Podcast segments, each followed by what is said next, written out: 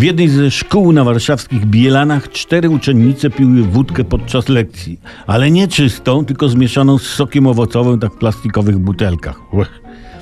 Akt ten e, no, wprowadził nieco bajkowości w, w sumie przyziemny system edukacji. Jak one wpadły?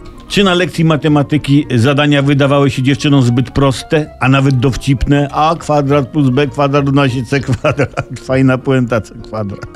Czy na fizyce poddały wątpliwość istnienie Archimedesa? Hej, nie ma takiego imienia, to głupie imię. Jest Piotrek, Klaudiusz, nawet Staszek, ale Archimedes to jakaś śmieszna ściema. Archimedesa nie ma. Nie ma takiej postaci, mówiły.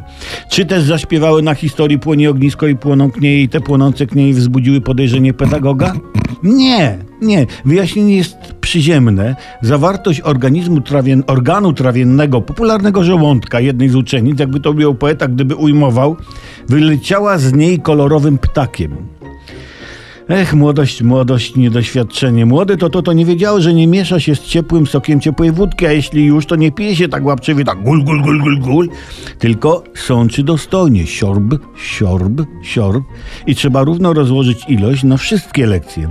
Można mazakiem zaznaczyć na butelce poziom, do którego pije się na każdej lekcji, na przykład czerwonym angielski, niebieskim matematyka i tak dalej, i tak dalej.